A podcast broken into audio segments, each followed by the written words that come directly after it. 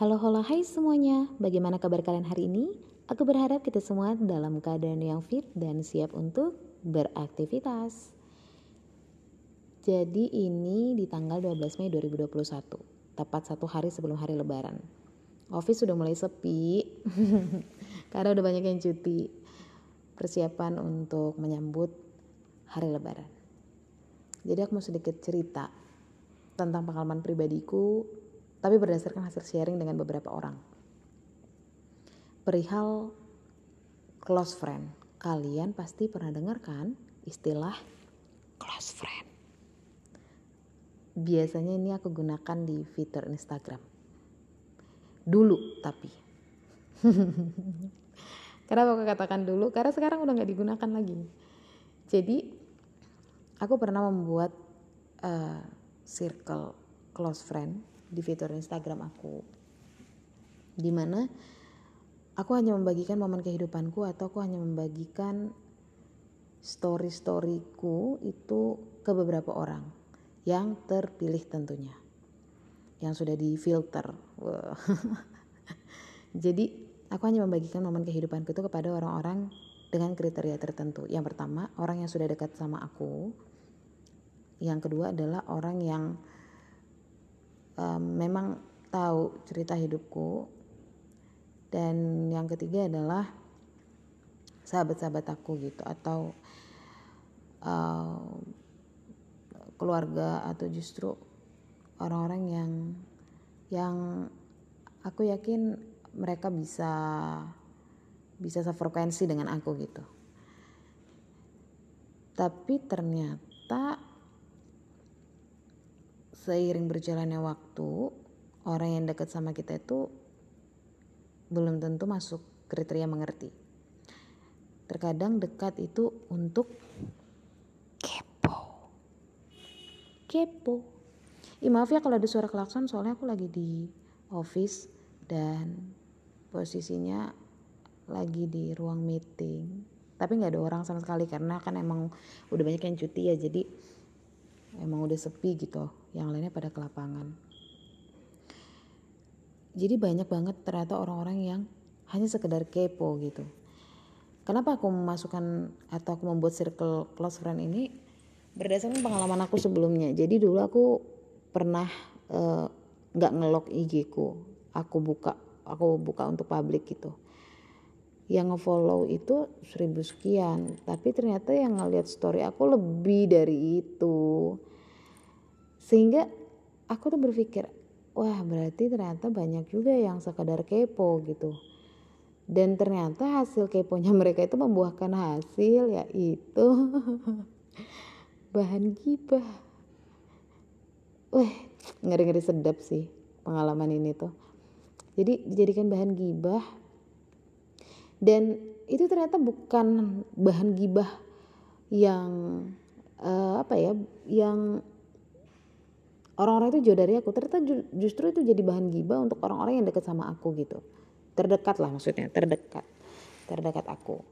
Dan aku tahu itu setelah uh, seseorang mengkonfirmasi gitu ke aku. Padahal dia nggak nge-follow aku loh gitu. Terus uh, akhirnya aku berpikir wah kalau kayak gini kayaknya malah bikin hidup gak tenang gitu. Akhirnya aku mulailah ngelok Instagram aku ngelok Instagram aku. Jadi tunggu dia follow aku baru tunggu aku terima baru bisa tahu gitu. Dan aku juga gitu nggak sebalik nggak langsung nge-follow back ya. Karena pasti aku ngeliat dulu ini orang aku kenal nggak ya? gitu. Atau nih orang pernah ketemu aku nggak ya? gitu. Banyak hal lah. Sampai akhirnya udah aku lock kayak gitu. Nah baru aku bikin uh, close friend. Ternyata di close friend pun itu bisa bukan bisa ya ternyata jadi bumerang juga buat aku. Karena orang yang tidak aku masukkan dalam close friend itu tahu ceritaku gitu. Dan ternyata dia tahunya dari mana? Dari orang yang aku masukin dalam close friend. Wah gimana ya? Uh, kayaknya bukan gak guna ya bukan gak guna close friend gitu. Tapi mungkin akunya yang kurang selektif untuk memilih orang-orang yang aku masukkan dalam close friend sehingga sejak saat itu udah nggak mau lagi gitu pakai fitur uh, close friend. Padahal sebenarnya ya, kalau kita sadar secara pribadi kenapa kita dimasukin ke dalam close friend, harusnya kita tuh tahu rulesnya gitu loh. Kalau kita dimasukin dalam close friend itu tidak bocor, terus berarti kamu orang yang dipercaya, sehingga kamu dibagikan storynya dia hanya ke kamu gitu kan. Kalau close friend ada tanda ya, tanda bintang hijau kalau aku nggak salah, kayak gitu. Karena udah lama nggak pakai jadi lupa gitu. Terus ya intinya kamu tuh orang-orang terpilih daripada orang-orang lainnya gitu. Dan harusnya kamu tidak membeberkan itu dan ternyata dibeberkan gitu. Aku nggak nyindir sih cuman uh, maksudnya itu cerita hidupku yang aku sharingkan tapi justru jadi bahan gibah karena apa ya kayak iya apaan sih apaan sih? gitu loh. Maksudnya oh, gitu aja di post gitu. Padahal kan lebih ke gimana ya ngapresiasi diri itu perlu gitu. Uh, contoh nerima nerima hasil jerih payah terus uh, ngebeliin orang tua barang kayak gitu terus karena momen haru gitu jadi aku ngerekam gitu nge-record itu dan aku post gitu. Tapi ke close friend gitu tapi ternyata tuh jadi bahan gibah akhirnya udah deh nggak mau lagi deh pakai close friend close friend, close friend gitu. Uh, ya itu sih kita nggak bisa nyuruh orang untuk nggak ngegibahin kita gitu tapi mungkin kita harus lebih smart untuk uh, menyeleksi orang-orang yang bisa kita masukin. Itu sih sharing dari aku. Dan buat kalian yang masih setia menggunakan close friend kalian hebat. Karena aku sendiri udah udah nggak mau pakai fitur itu. Cukup gitu. Lebih baik aku nggak ngepost ketimbang uh, aku ngepost dan ternyata gitu hasilnya. Dan uh, ada lagi ketika orang itu kemasukan ke close friend orang yang tidak aku masukin itu mempertanyakan gitu kenapa aku nggak dimasukin kenapa nggak dimasukin kayak gitu. Aduh jadinya kan kayak gimana ya memang sih kita jadi memilah memilih gitu bahkan kita mempersempit circle gitu. Tapi justru kayak membuat jarak kenapa dia tidak dimasukin atau justru lebih kepada dia tersinggung gitu loh. Kok aku nggak dimasukin? Jangan-jangan dia ngomongin aku gitu. Prasangka prasangka buruk deh gitu. Jadi um, itu sih yang aku mau sharingkan lewat close friend aku dan ternyata teman-temanku juga pernah ngalamin kayak gitu. Cuman ya mereka uh, masa bodoh gitu dan masih tetap menggunakan fitur itu. Kalau aku pribadi sih udah udah banyak yang ngefollow kayak gitu mau milih milah dan milih masuk ke close friend lumayan butuh effort juga gitu. Jadi ya lebih baik nggak usah gitu. Oke itu aja sharing dari aku. Terima kasih buat kalian yang sudah mau mendengarkan. Uh, tetap jaga kesehatan di tengah protokol uh, tetap gunakan atau tetap aduh belepotan ya aku ngomongnya. Tetap patuhi protokol kesehatan yang ada. Gunakan masker mencuci tangan jaga jarak dan tentunya makan makanan yang bergizi. Dan semoga kita semua terhindar dari COVID-19 dan buat yang alumni COVID-19 seperti aku semoga kita tidak terkenal lagi kayak gitu. Tentunya dari dari peristiwa itu kita udah bisa belajar apa yang harus kita lakukan. Dan tindakan-tindakan seperti apa yang harus kita terapkan dalam kehidupan ini. Oke, terima kasih untuk waktunya. Selamat pagi, selamat menyambut Hari Raya Idul Fitri.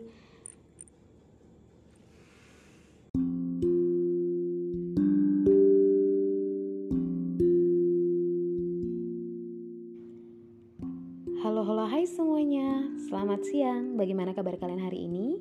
Aku berharap kita semua dalam keadaan yang fit dan tentunya sudah beraktivitas. Jadi ini record pertama di siang hari Di mana di tanggal 15 Mei 2021 aku nggak tahu mau ngapain.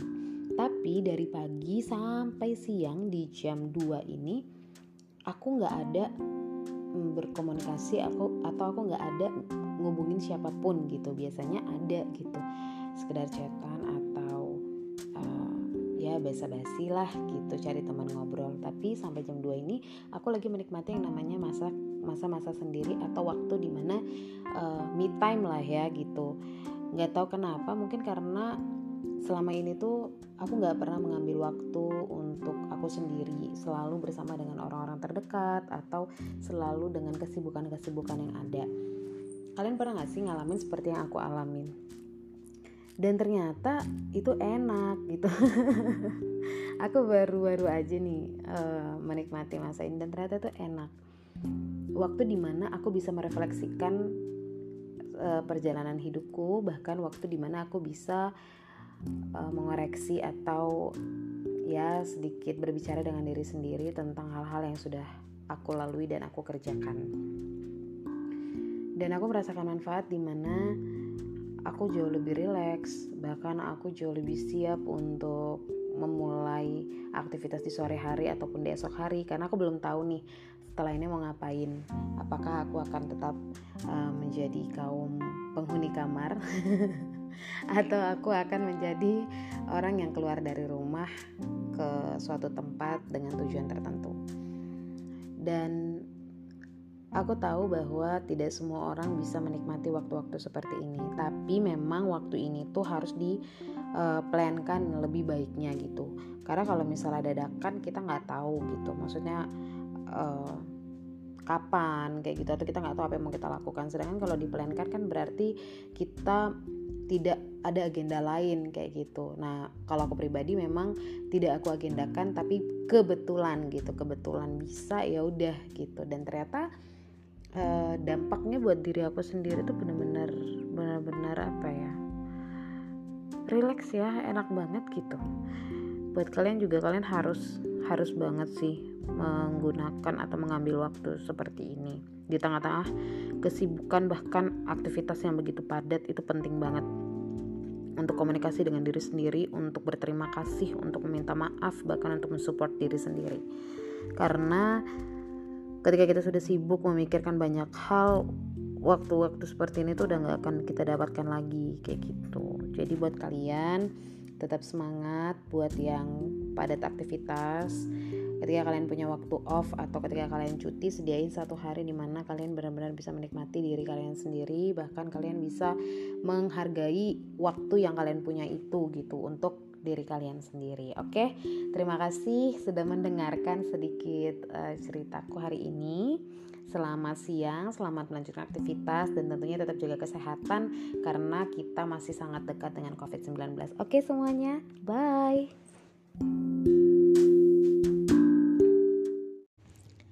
Halo, halo, hai semuanya. Bagaimana kabarnya pada malam hari ini?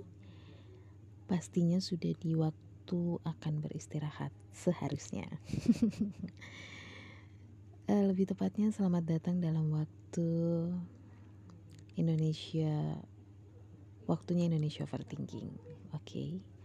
Jadi ini sering banget dialami oleh kaula-kaula muda, hmm, seperti aku salah satunya.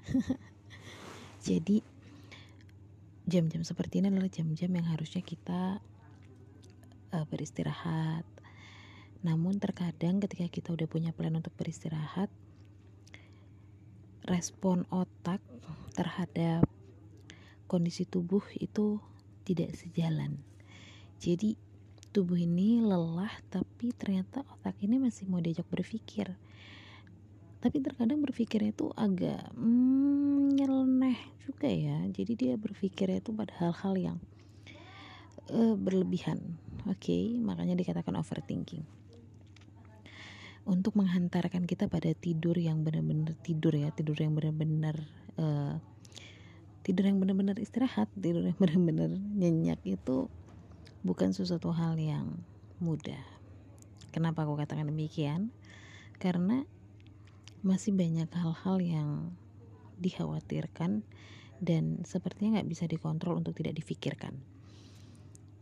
Contoh nih, kalau dari aku pribadi, sekarang-sekarang ini lagi uh, aku lagi dalam fase penyesuaian di tempat kerja yang baru, di mana uh, banyak banget perbedaan antara tempat kerja yang lama dan tempat kerja yang baru. Kalau dulu aku bekerja uh, langsung di bawah owner.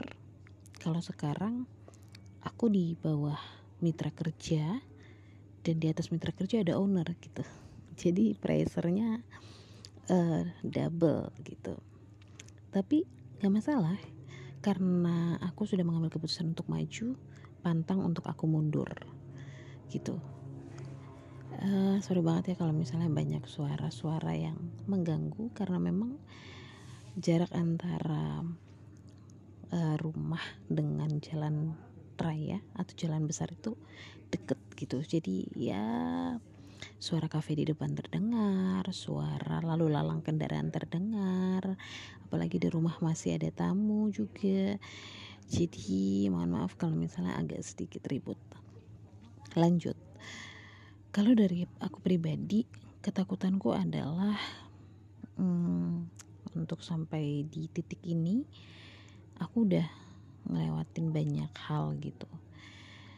Ternyata nggak cuman stop sampai di situ aku harus banyak belajar tentang real life uh, mitra kerja atau kontraktor dan tidak lagi melihat sebagai sudut pandang uh, kacamata owner gitu. Tapi aku harus melihat dari kacamata mitra kerja atau kacamata kontraktor yang membuat uh, owner itu puas gitu ya. Dalam artian puas terhadap kinerja kinerja mitra kerja atau kontraktornya gitu. Uh, ditambah lagi dengan pemenuhan-pemenuhan kompetensi itu merupakan tantangan tersendiri buat aku. Tapi aku yakin uh, itu semua bisa aku lewatin. Hanya saja memang aku perlu memanage waktu sebaik mungkin untuk itu semua. Tidak hanya itu juga terkadang hmm, aku juga berpikir terkait uh, apa yang mau aku lakukan lima tahun lagi atau eh, pencapaian-pencapaian uh, yang jangka panjang kayak gitu ditambah lagi planning hmm, tawajilah ya di usia saat ini banyak hal yang memang harus dipertimbangkan bahkan banyak hal yang memang harus diambil keputusan gitu. Dan itu bukan suatu hal yang mudah bagi aku pribadi karena bagi aku segala sesuatunya perlu pertimbangan yang sangat matang karena ada konsekuensi yang harus aku tanggung nantinya gitu. Uh, aku mau sedikit berbagi aja sih sama kalian. Sebenarnya nggak baik ya nggak baik banget karena di saat fisik kita lelah otak kita juga harusnya lelah sehingga uh, kedua-duanya minta untuk diri istirahatkan gitu. Dan aku harus berpikir atau aku harus mencari cara bagaimana agar kedua-duanya itu sinkron. Salah satunya mungkin dengan mendengarkan musik. Musik penghantar tidur atau biasanya aku menggunakan uh, musik instrumen hujan atau enggak instrumen uh, suara-suara binatang contohnya suara-suara burung di hutan atau suara desiran ombak atau suara angin kayak gitu. Itu salah satu trik aku untuk bisa tidur kayak gitu. Jadi buat kalian yang masih masuk dalam dunia overthinking di waktu jam sekarang ini. Yuk hmm, berhenti stop kayak gitu. Karena kalian harus beristirahat karena besok masih banyak aktivitas yang menanti untuk kalian kerjakan. Dan tentunya jangan lupa bersyukur untuk hari ini karena Tuhan itu baik sudah menghadirkan orang-orang terbaik di sekitarmu dan tentunya menjaga fisikmu sampai kamu menyelesaikan apa yang menjadi tugas dan tanggung jawabmu dengan baik. Oke, terima kasih sudah mendengarkan podcast ini. Terima kasih sudah mendengarkan ceritaku yang ya lebih mengarah ke curhat.